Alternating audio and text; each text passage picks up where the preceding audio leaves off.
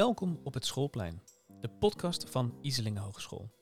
Over alles wat je wel en niet wilt weten van het onderwijs.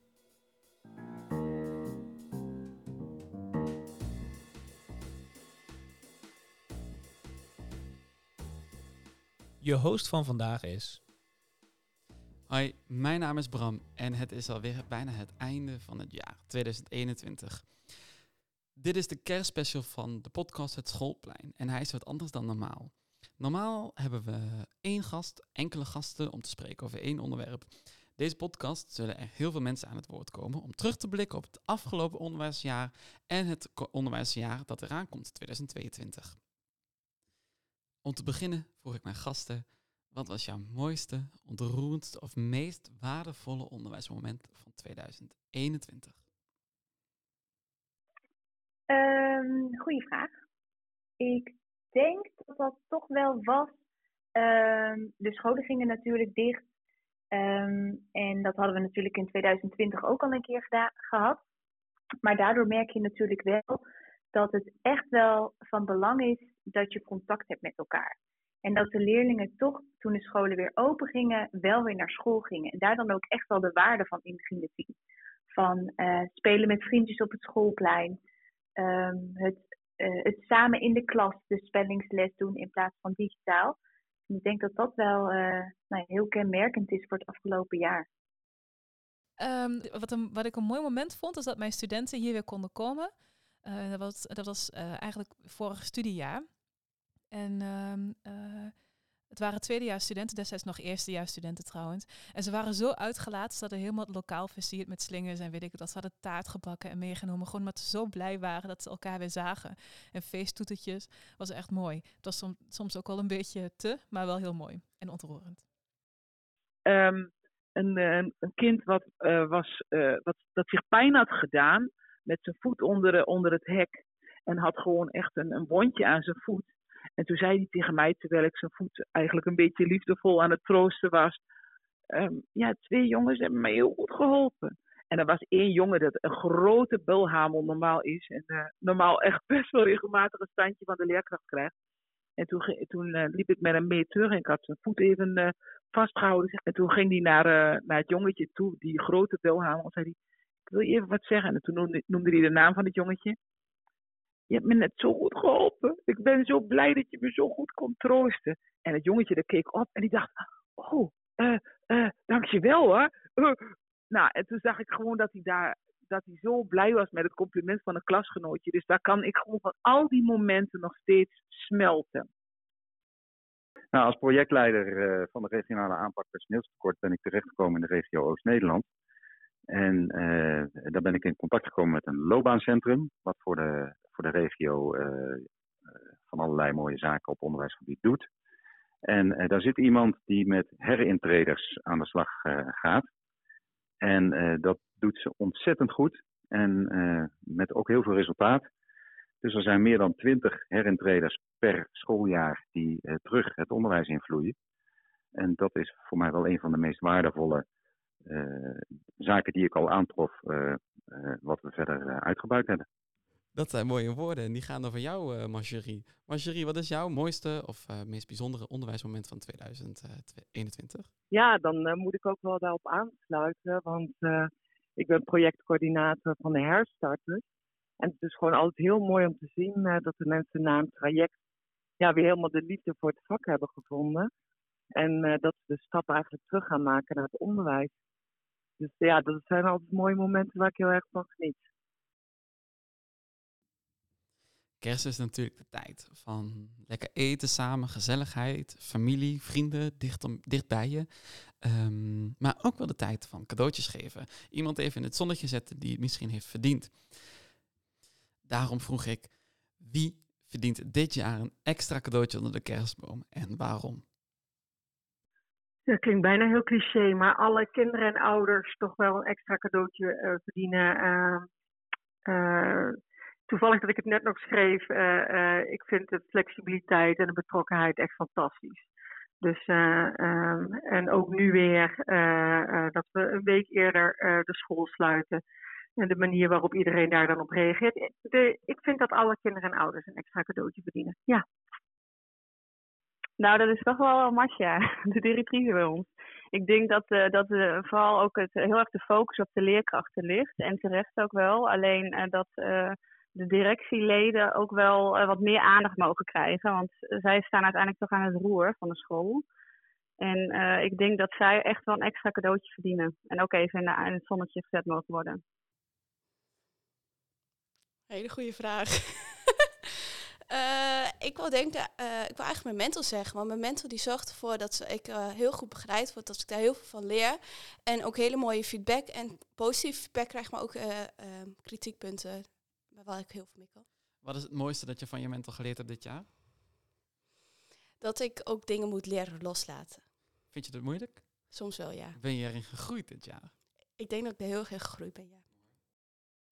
Goeie. Ja, ik uh, ga misschien wel een heel onorthodox antwoord geven. Ik vind toch wel de mannen die elke keer ons weer te woord staan in de persconferentie. Je zou de baan maar hebben. Wat een ellende. Je kan het nooit goed doen. Altijd kritiek. Wat mij betreft uh, gewoon een extra cadeautje onder de kerstboom als blijk van waardering. Zal vast niet alles perfect hebben gedaan. En er zullen vast uh, dingen zijn waar we allemaal een mening over kunnen hebben. Maar je zou het maar moeten doen. Als er één ding is waar we veel over gesproken hebben in 2021, dan was het natuurlijk corona. Corona bracht naast heel veel onverwachte situaties ook veel woorden met zich mee die we nog niet kenden. Ik noem er maar een paar. De beslisboom, zelftesten, scholensluiting.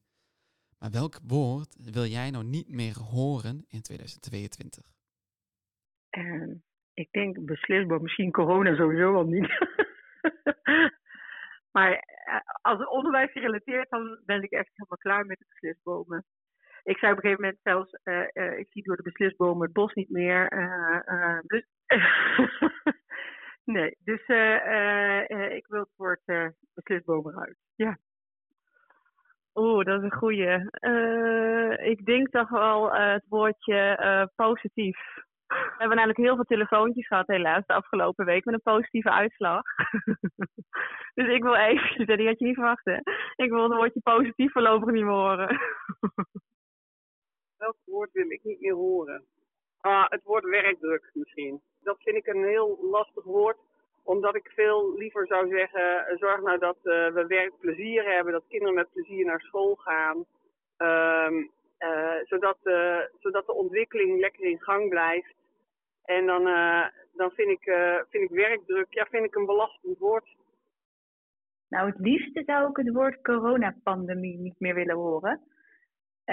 maar dat gaat. ik denk niet dat dat, dat dat gaat lukken.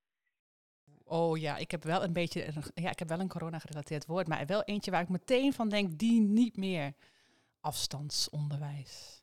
Het voelt voor mij als zo'n groot compromis, alsof er zeg maar helemaal niets van kwaliteit meer in zit. Volgens mij moeten we naar de, naar de periode van afstandsonderwijs, waarin we allemaal hebben gezien wat er niet meer moet, moeten we echt concluderen dat het uh, onderwijs op afstand anders kan. Bijvoorbeeld met hybride leren, blended learning.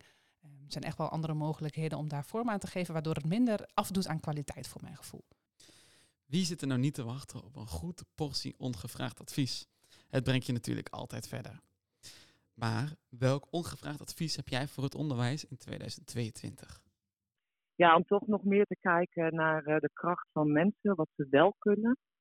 Uh, er zijn nog toch veel uh, besturen die zijn op zoek naar het schaap met vijf poten. En ja, ik denk dat er ook heel veel onderwijsprofessionals rondlopen ja, die heel veel kunnen betekenen voor het onderwijs. Maar misschien niet die vijf poten hebben. Dus mijn advies is om toch te kijken van ja, kan ik het een en ander anders organiseren. Zodat uh, ja, veel meer mensen met uh, veel plezier aan het werk kunnen blijven. Um, nou, ik denk vooral blijven denken in oplossingen, want die zijn er altijd. Ik hoop dat wij met alles wat we geleerd hebben, stappen kunnen zetten om voor ons nog meer de studentreis vorm te geven en voor ons werkveld de leerling centraal te zetten en de talenten te ondersteunen en de gelegenheid te geven om te ontplooien. Mooi. Wat is de meest belangrijke les voor jezelf die je hieruit geleerd hebt? Gebruik je gezond verstand. Meer mensen buiten het onderwijs naar het onderwijs toe halen. Met meer zij-instroomplekken?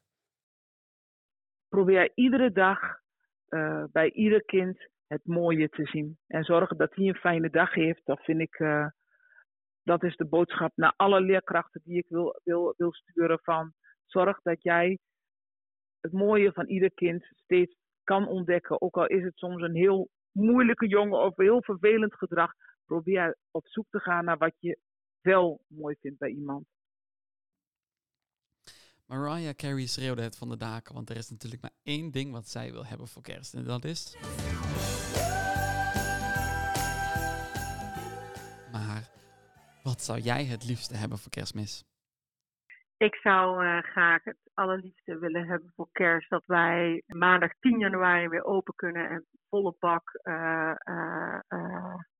uh, samen kunnen spelen, leren, ontwikkelen, groeien. Dat heb ik denk ik al.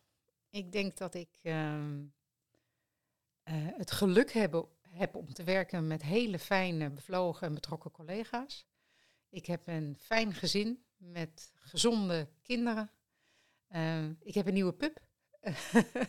uh, soms ingewikkeld, maar hartstikke leuk. Dus uh, ik denk dat ik heel tevreden mag zijn.